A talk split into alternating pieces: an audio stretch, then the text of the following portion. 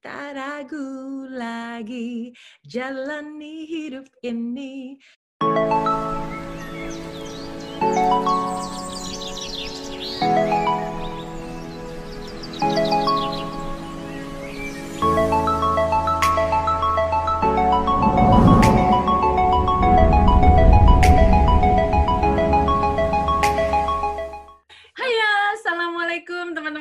Semuanya. Selamat datang lagi di channel Nelma Daan. Aku nih nervous banget karena ya Allah, finally aku ketemu sama idola aku. Dan alhamdulillah aku bisa kontak beliau dan beliau bersedia meluangkan waktu untuk ngobrol sama aku dan teman-teman semuanya. Aku mau ngobrol sama dia seputar ceritanya di rantau dan bagaimana beliau membagi waktu. Singkirkan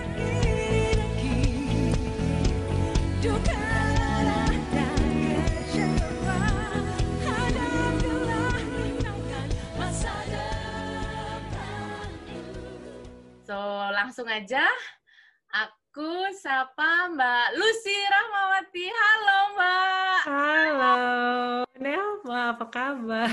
Baik, Mbak, apa kabar?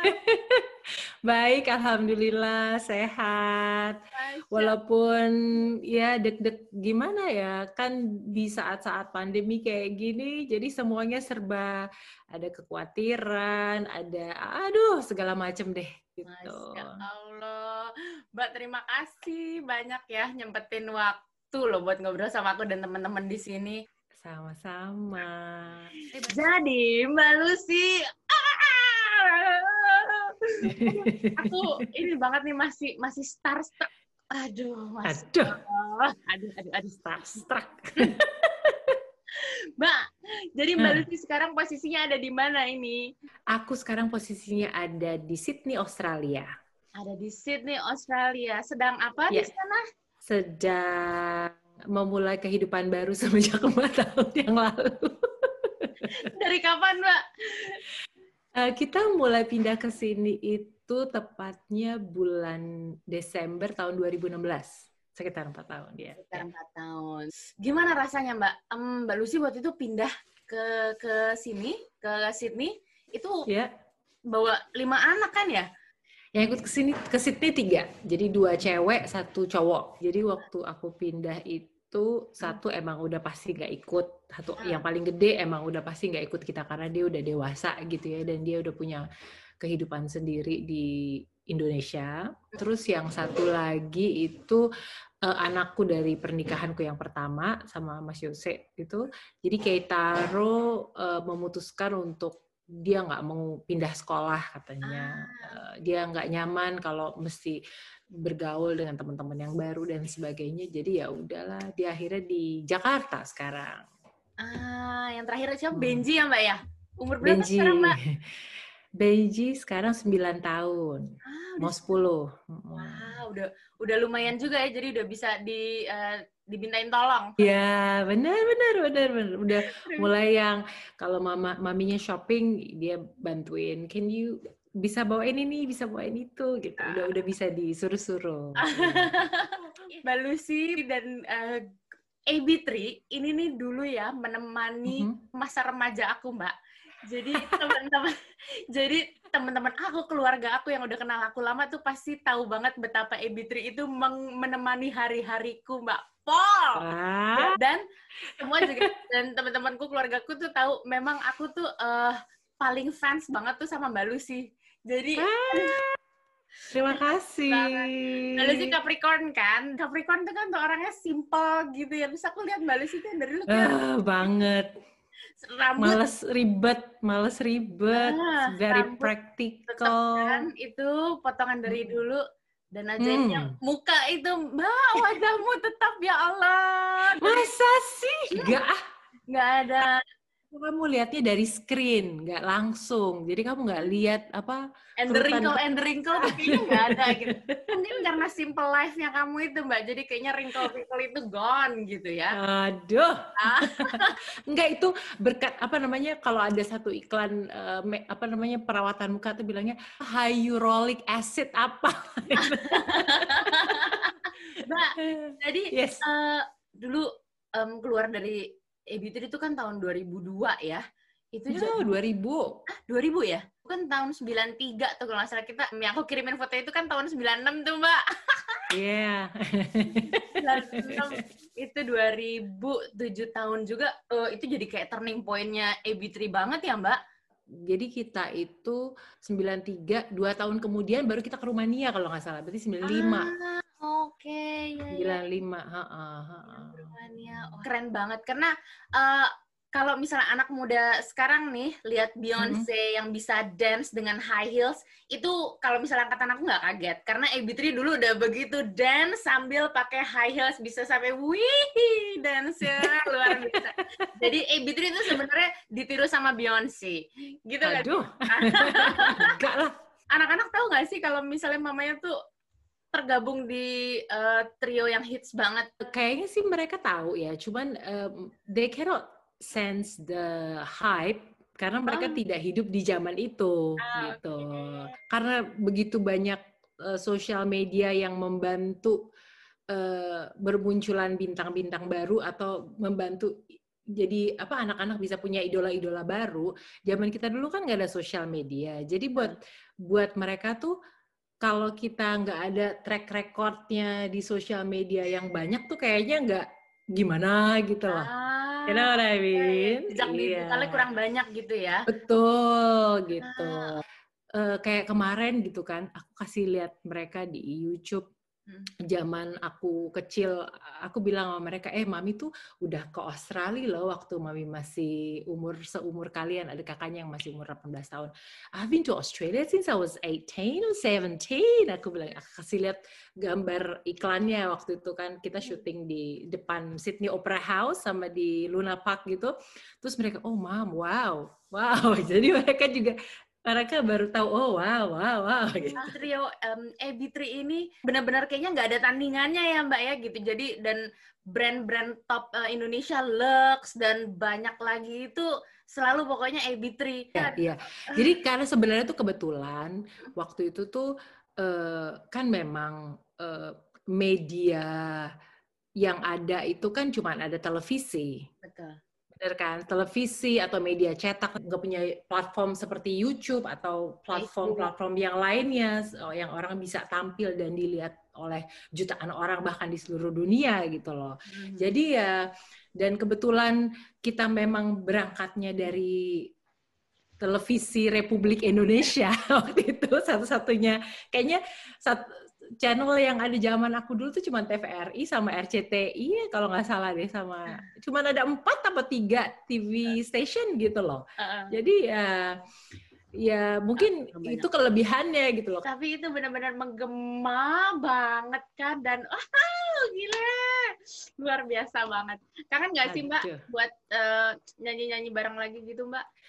Well, kangen sih kangen ya, tapi juga sometimes kita ini kok, kita suka kalau pas ketemu langsung gitu ya, atau malah kayak kemarin si anak-anak kepengen, ayo bikin apa, bikin apa gitu. Jadi kita kayak uh, bikin satu konten hmm. yang nyanyi bareng-bareng, tapi aku waktu itu di sini, jadi kita rekamannya misah-misah di rumah masing-masing ah, karena zaman pandemi ini gitu ya.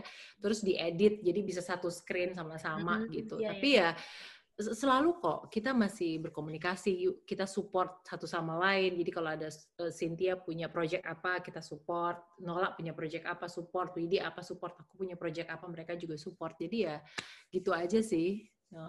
Komunikasinya masih terjalin baik ya mbak? Masih masih masih banget. Perlu tips dari uh, mbak nih. Berteman sekian lama bekerja hmm. sekian lama gitu. Tadinya kan padahal bukan teman dekat, satu sama lain tidak saling mengenal sebelum ada EB3 itu ya Mbak ya? Iya. Ha, ha, ha, ha. How you manage your friendship Mbak? Sampai, ini udah berapa puluh tahun berarti? 20 something? 27 berapa tahun? ya? Dua. Oh iya, iya benar. Sembilan, iya. Iya sebenarnya sih, uh, apa ya, semua relationship aku rasa nggak cuma friendship ya, uh, pertemanan, entah itu suami istri, entah itu kakak adik, saudara dan sebagainya, aku rasa uh, ada waktunya kita bersama-sama, tapi ada waktunya juga kita punya ruang sendiri-sendiri gitu. Jadi nggak selalu semua mesti didiskusikan sama-sama, tapi juga memberikan kesempatan untuk masing-masing individu untuk menjadi individu. You know what I mean? Iya. Yeah, yeah, yeah. yeah. Iya. Uh, tapi kan dulu itu benar-benar kayak tiap hari ketemu kerja bareng ibaratnya yeah. tidur lagi. Iya. Yeah, kalau berantem berantem pasti ada dong yang masuk oh, wow, banyak. banyak dong. itu uh, maksudnya sesama kita kadang kalau cewek-cewek suka rempes kan mbak gitu uh. gimana tuh baikannya sampai bisa tetap terjalin seperti ini baikannya gimana ya? Sebenarnya nggak ada sih resmi baikan gitu tapi ya ya gimana gimana sih kalau kita berantem sama adik sama apa sama kakak gitu? Kan nggak ada yang resmi bilang oh I'm sorry ya maafin aku. Kan nggak ada kayak gitu kan? Jadi kayak mengalir gitu aja gitu. Namanya juga uh, gimana ya? Uh, natural aja gitu. Allow the individuals to have their own space Ya, ya, ya, ya. Yeah. Sekarang aku mau tanya nih, Mbak Lucy ada di Australia, di rantau. Kayak hmm. apa Mbak struggle-nya? Aduh, gimana ya? Struggle-nya adalah yang pertama sih uh, lifestyle. Yang dari kita hidup di Indonesia semua serba dilayani. Terus nggak cuma kita, anak-anak juga kan semua serba dilayani. Segala sesuatunya tuh kita udah familiar gitu loh. Mau belanja ke mana kita tahu. Kalau lagi sakit, tahu dokter mana yang kita harus temuin. Belum lagi familiar dengan sistem kesehatan di sini, sistem uh, pendidikan di sini gitu kan. Jadi uh, itu sih yang agak ribet gitu buat aku. Yang kayak gitu-gitunya tuh yang yang agak sedikit apa ya harus membiasakan dengan gaya hidup di sini. Sempet ini juga dong mbak, sempet kayak galau-galau gitu. Berapa lama tuh mbak untuk settle? Settle tuh ya kalau aku pribadi sebenarnya nggak sampai setahun deh. Aku udah udah jejak gitu ya, maksudnya udah pede gitu. Tapi kan kita selalu ketemu hal-hal yang baru tuh, gimana anak-anak remaja di sini bergaul, hmm. gim ngerti kan maksud aku kan uh, apa namanya gimana kita clash uh, in, kebudayaan Indonesia dengan kebudayaan bule di sini terus bagaimana caranya memberi pengertian kepada anak-anak bahwa yang ini pantas ini nggak pantas yang kayak gitu-gitu itu yang agak agak susah. Jadi gini sebenarnya semenjak dua tahun yang lalu uh, aku udah mulai bosen nih di sini ngapain lagi? Masa gue tiap hari ke gym doang gitu kan? Masa gue tiap hari cuma uplok aja di rumah karena kebetulan juga aku kan orangnya seneng aktif gitu loh nggak seneng nggak ngapa-ngapain gitu kan. Akhirnya aku coba buat uh, ngelamar kerja. Itu tuh nggak tahu pokoknya ada temen yang lo mau beneran? Iya iya gue mau gitu kan. Akhirnya ada temen yang nggak tahu pokoknya secara nggak sengaja aku nyemplung di industri aged care. Aged care, nursing home. Nursing yes, home. tapi instead of working in a nursing home, uh, I work with the elderly people, but I visit them at home. I see. Okay. Karena some uh, some people they are capable enough to live independently, mm-hmm. uh, but still they need certain uh, support from uh, people like us. Dan setelah terjun di industri aged care, aku melihat kok uh, aku punya passion sendiri gitu loh di pekerjaan ini gitu. Terutama dengan uh, orang-orang uh, yang uh, mengalami demensia. Dari situ aku uh, pengen tahu lebih banyak, pengen belajar lebih banyak how to deal with the people that has dementia. Jadi sekarang nih lagi mulai belajar serius uh, ambil course dementia care di University of Tasmania tapi online. Sekarang udah mulai sibuk nih, nih udah mulai enak nih sekarang. Ya kalau biasa sibuk kan tuh tiba-tiba nggak ada apa-apa tuh kayaknya uh gitu bawaannya boring. Pertanyaannya hmm. adalah masih ada waktunya Mbak setelah house errands itu anak-anak drop yeah. anak. Wow. Sebenarnya ya justru pekerjaan ini dan justru my passion yang istilahnya jadi uh, apa ya my highlights of the day gitu. Jadi kalau kayak house errands is something that you must do. Okay. It's a must thing to do. Kalau kita kan sebagai ibu rumah tangga kan, doing all this grocery shopping, cooking. Do you cook or not? Do you yeah. cook, right? Harus yes. Yeah.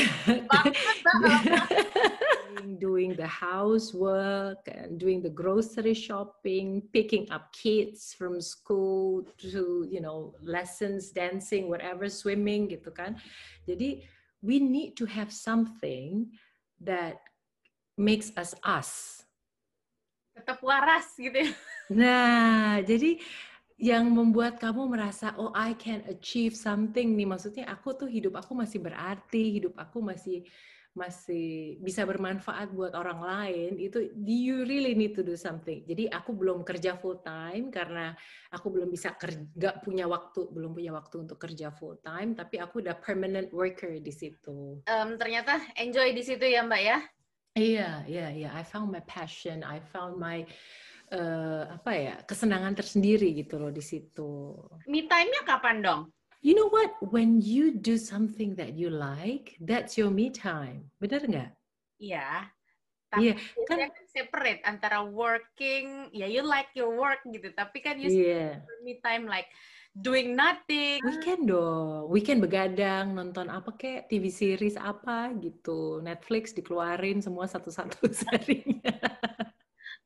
Ya paling aku sih weekend. But I love cooking. Sometimes I I uh, I do baking sometimes. Uh, terus kadang-kadang juga aku seneng apa ya jalan aja keluar gitu. Kebetulan kan kita tinggal di Australia ini. Uh, Alhamdulillah alamnya bagus luar biasa dan di sini orang-orang sangat bertanggung jawab untuk memelihara sekitarnya. Jadi ini kalau aku keluar rumah itu aku masih bisa ketemu apa namanya daerah yang aduh trekking, kamu mau trekking, kamu mau jalan di pinggir laut, kamu mau jalan puncak bukit up it's around my place and we don't live in a rural area. It's just simple suburbs yang cuman ya cuma 15 menit dari city but we still have all these beautiful natures around us gitu pernah terpikir nggak sih mbak untuk um, misalnya lagi hektik banget gitu yang kayak aduh ngapain sih gue pindah ke sini? gitu. Mendingan gue di Indonesia aja. Pernah nggak mbak terpikir? Oh enggak sih. Oh, tau nggak ya? kenapa? Kar karena gini loh aku tuh dari kecil hmm. karena papaku kan di angkatan laut. Hmm. papa almarhum tuh uh, mengabdi kepada TNI angkatan laut tuh berpuluh tahun gitu ya. Um, jadi setiap dua tahun sekali itu pasti kita pindah ke daerah baru. Hmm. Jadi kita tuh nggak pernah punya banyak barang karena kita tahu bahwa oh dua tahun lagi pasti kita udah nggak di sini gitu loh dua tahun lagi pasti pindah tempat lain jadi kalau punya barang kebanyakan tuh nggak tahu packingnya gimana gitu loh until uh, papa udah nggak mungkin pindahkan kalau di uh, apa di TNI itu kalau you are in certain position, kamu nggak akan ya kemungkinan kecil lah untuk pindah-pindah lagi gitu kan. Jadi sampai papa menetap di Jakarta waktu itu kita udah nggak pindah-pindah lagi. Mbak, tapi nih orang pikir orang kalau ngelihat kita hidup di luar negeri itu kan rasanya oh enak aja gitu ya kayaknya oh di luar negeri hmm. kan enak. Sebenarnya sesimpel itu nggak sih Mbak menurut uh, Mbak Lucy tinggal di luar negeri? Enggak sih, enggak simpel. Cuman uh, kita bisa kok mengkondisikan itu gitu. Karena gini um, kita harus memahami bahwa semua orang di Australia kalau aku ya di Australia hampir semua ibu di, ibu-ibu di Australia ini aku rasa punya uh, isu yang sama gitu loh dengan aku. Demikian juga ibu-ibu di Inggris kayaknya gitu kalau dalam kasusnya kamu ya mereka semua pasti ngalamin ngalamin permasalahan yang sama gitu loh. Gimana caranya bagi waktu jemput anak A B C? Gimana caranya uh, bagi waktu untuk tetap bisa kerja tetap bisa masak doing this grocery shopping and everything else gitu. Sekarang you need to time yourself to go to supermarket isn't it? Ya jadi yang apalagi kamu aku bisa ngebayangin kamu punya anak yang masih kecil pasti satu di atas troli yang satu bantuin ambilin mami ini ini ini ya gitu.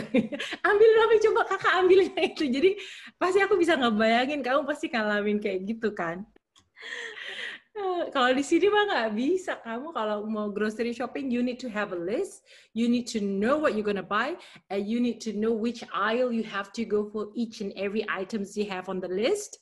Jadi you know that you're gonna be at home at this time before you have to pick up your kids. Bener kan? Sebenarnya rempong ya mbak ya sebenarnya kan gitu. Iya banget banget. Aduh. Jadi uh, memang uh, manajemen waktu itu ketika kita tinggal di luar negeri itu benar-benar harus kita terapkan ya Mbak ya? Iya, ya. Tapi yang aku belajar tuh satu. Um, kita harus tahu bahwa yang pertama, memang tugas-tugas ini semua harus diselesaikan. Okay. Tapi kan uh, standarnya itu nggak usah tinggi-tinggi amat gitu loh. Contoh nih ya, hmm. kalau kita di Indonesia, uh, setiap hari rumah mesti disapu, rumah mesti dipel setiap hari ya. Terus uh, kayaknya kamar anak, kamar kita tuh mesti rapi. Terus kita masih punya space buat oh taruh pajangan ini. You look at my house, it's so flat. It's just because I don't want to do any unnecessary dusting. Terus dan aku tuh nggak senang perintilan-perintilan kecil yang mesti dibersih-bersih. Gitu. Aduh, enggak deh. Karena the more you have, the more time you need to uh, contribute to look after that thing. Benar nggak? Betul, betul, betul. Jadi mendingan you just have what you need and it just make your life easier. Harus dibikin simple ya Mbak. Kalau nggak kita yeah. waktunya habis buat ngerjain kerjaan rumah. Kerjaan rumah itu. Wah, yeah. itu harus di ngepel tiap hari. Oh. Enggak. Waduh. Aku paling seminggu sekali, to be honest with you.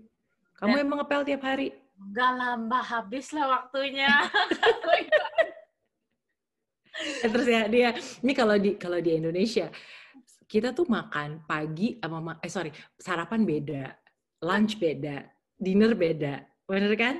Terus udah gitu satu kali meal nih satu meal you will need to have a soup you will need to have gorengan and something else. At least you have two or three. Iya Iya kan? Itu di luar nasi putih tuh. Ya, kalau gue di sini sorry ya pokoknya gue masukin semua satu panci nih makan.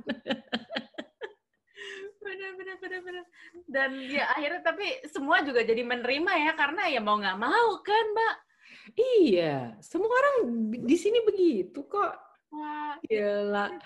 Emang mau makan tiga lauk, empat lauk tiap hari, terus pagi, siang, sore beda. Emangnya di restoran? Ini luar biasa ya, bagi waktunya tetap uh, dan semuanya tetap bisa dikerjain, anak-anak tetap bisa diurus, rumah juga bisa tetap uh, terus. Tapi ya aku masih pontang-panting lah, nggak perfect gimana gitu.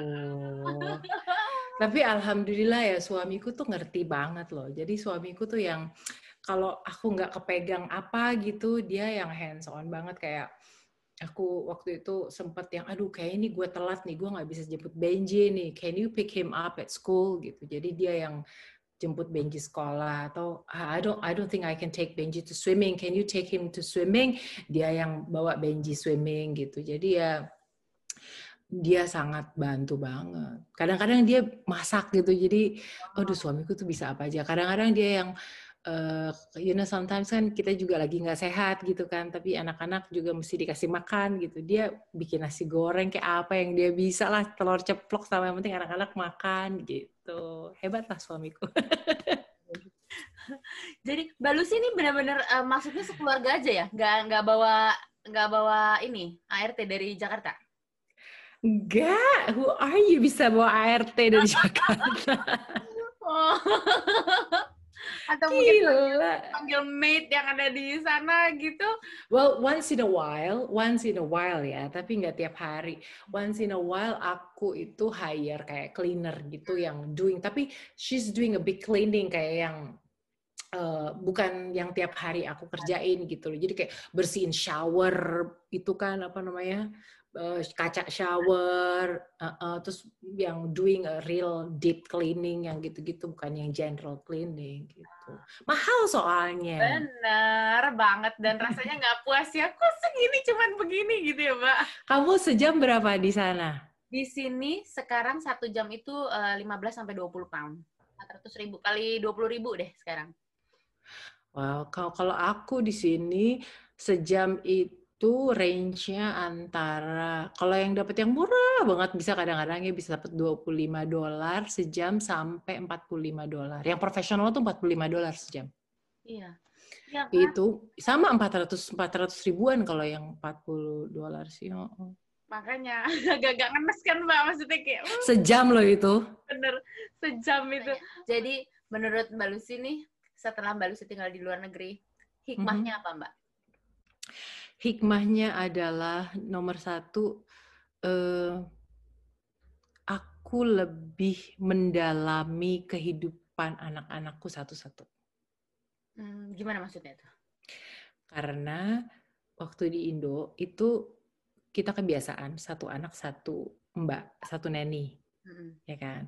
Jadi kita tahu mereka, kita uh, mengerti bagaimana karakter dan uh, sifatnya, cuman kita nggak tahu detail keseharian mereka setiap hari kayak apa, uh, perubahan, uh, shifting kan yang namanya anak-anak tuh kalau dari masa anak-anak ke, ke mau ke adolescence itu kan ada ada step-stepnya gitu kan.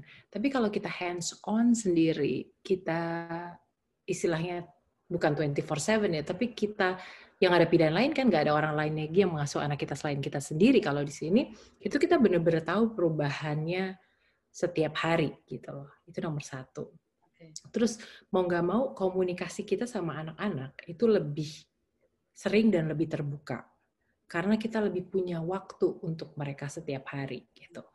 Terus yang nomor tiga kita jadi lebih menghargai every single thing that we have uh, termasuk apa namanya thing dalam arti kata benda-benda yang kita punya itu kita lebih menghargai gitu loh. Kalau dulu kita beli barang just because we simply like it or our uh, apa uh, efek apa beli pembeli impulsif gitu loh. Uh. Jadi ke, karena semua orang beli kita jadi beli kalau jadi dulu tuh kita kayak gitu gitu. Cuman kalau sekarang kita lebih menghargai kita beli sesuatu karena kita suka dan karena kita ngerasa uh, kita butuh gitu ya. Jadi kita beli barang itu. Jadi uh, kita lebih menghargai barang itu gitu. We look after that item yang kita beli apa pun itu barangnya gitu.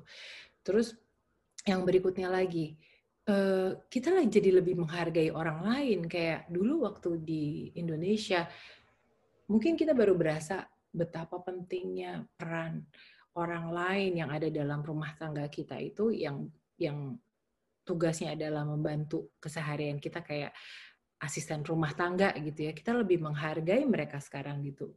Because now kita tahu gitu loh bahwa it's not easy to look after all these things in the house.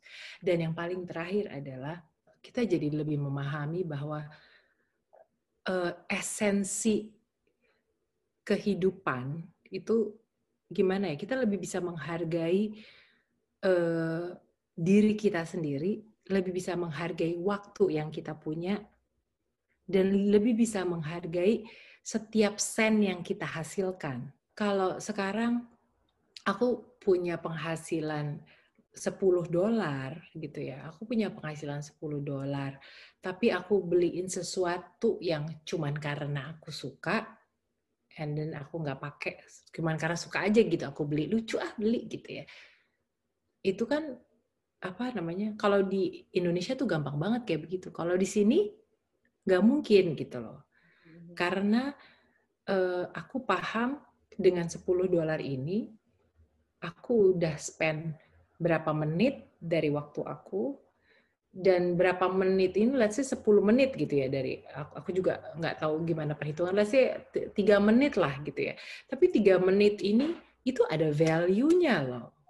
Jadi kita baru paham nilai dari waktu, nilai dari uh, uang, nilai dari uh, waktu dengan kualitas dengan keluarga dan orang-orang yang kita cintai itu pada saat kita harus melakukan semuanya sendiri. Pada saat kita tahu bahwa uh, apa namanya nggak banyak yang bisa nolongin kita di sini gitu loh. Betul banget mbak itu. I feel you. Kamu tahu nggak? This is funny ya. Hmm. kamu ke super kalau di sini itu di supermarket contoh wortel ya wortel itu kalau kamu beli sekilo harganya cuma sedolar hmm malah kadang-kadang cuma 99 sen wortel. Tapi kalau kamu beli wortel yang udah dikupas dan udah dipotong-potong, lebih mahal. Ya, nggak nyampe sekilo, let's say 500 gram itu harganya bisa 4 dolar. Betul, betul. Bener nggak? Betul. Terus kalau kamu beli wortel cuma 200 gram, campur brokoli cuma 200 gram. Udah dipotong-potong nih tinggal dicemplungin dalam sop. Mendadak harganya tuh yang 200 gram ini jadi 2 dolar yang 200 gram ini jadi 4 2 dolar juga. Padahal kalau beli sekilo harganya cuma sedolar gitu loh. Betul betul that's how itu menandakan bahwa waktu buat ngupas wortel motong-motong itu berharga banget di sini gitu loh jadi kalau kamu pulang dari tempat kerja uh, you need to cook for your family. Seandainya mau masak sop nih, kalau kamu dari scratch kan setengah mati. Tapi if you already got a prepared wortel and prepared broccoli, and then you've got uh, diced chicken ayam yang udah dipotong-potong, Terus you got the chicken stock satu liter, jadi kamu tinggal tuang chicken stock, wortel, dalam waktu 15 menit, kids, dinner's ready. Iya, bener, bener, bener, bener. Berharga banget waktu itu ya Mbak, dan balik lagi memang kita harus pinter-pinter jadinya untuk mengatur itu semua ya Mbak. Kalau nggak udah habis, nggak bisa ngapa-ngapain nanti cuma berkutat aja di rumah. Iya, bener loh itu. Aduh, bener-bener kita mesti tahu mana mana yang mesti diprioritaskan. Kadang the power of kepepet itu benar ya Mbak ya? Oh banget. uh, kalau orang bisa orang bilang Allah bisa karena biasa kalau orang Indonesia. Kalau di sini Allah bisa karena kepepet. Jadi mengerahkan semuanya akhirnya gitu karena mau nggak mau nggak ada lagi kan? Iya iya. Wow. Tapi you, you know what on di atas semua kesulitan itu ya, aku bersyukur uh, bisa mendapatkan kesempatan atau pengalaman untuk hidup seperti ini gitu loh. Jadi ya nikmatilah ya bersyukur ya. Prosesnya juga kan karena nggak mudah ya Mbak kita bisa sampai di uh, apa namanya di rantau seperti seperti ini ya Mbak. Benar, benar. Bukan bukan hal yang mudah. Wow, Mbak terima kasih banyak ini obrolannya seru banget.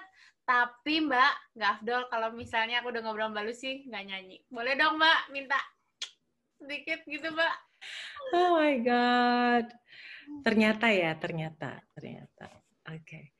Ternyata tanpamu langit masih biru Ternyata tanpamu bunga pun tak layu Ternyata dunia tak berhenti berputar Walau kau bukan milikku Tak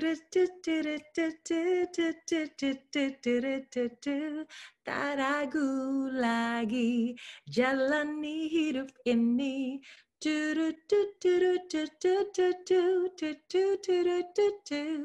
Kan ku hadapi apa pun yang terjadi nanti. See? Kan ku hadapi apa pun yang terjadi. Maju terus pantang mundur ya. Semangat. di rantau pastinya ya. Jangan gentar. Lalu sih sekali lagi terima kasih banyak waktunya. Oh my god, idolaku ini Mbak virtual. Sama. Virtual hug, virtual hug.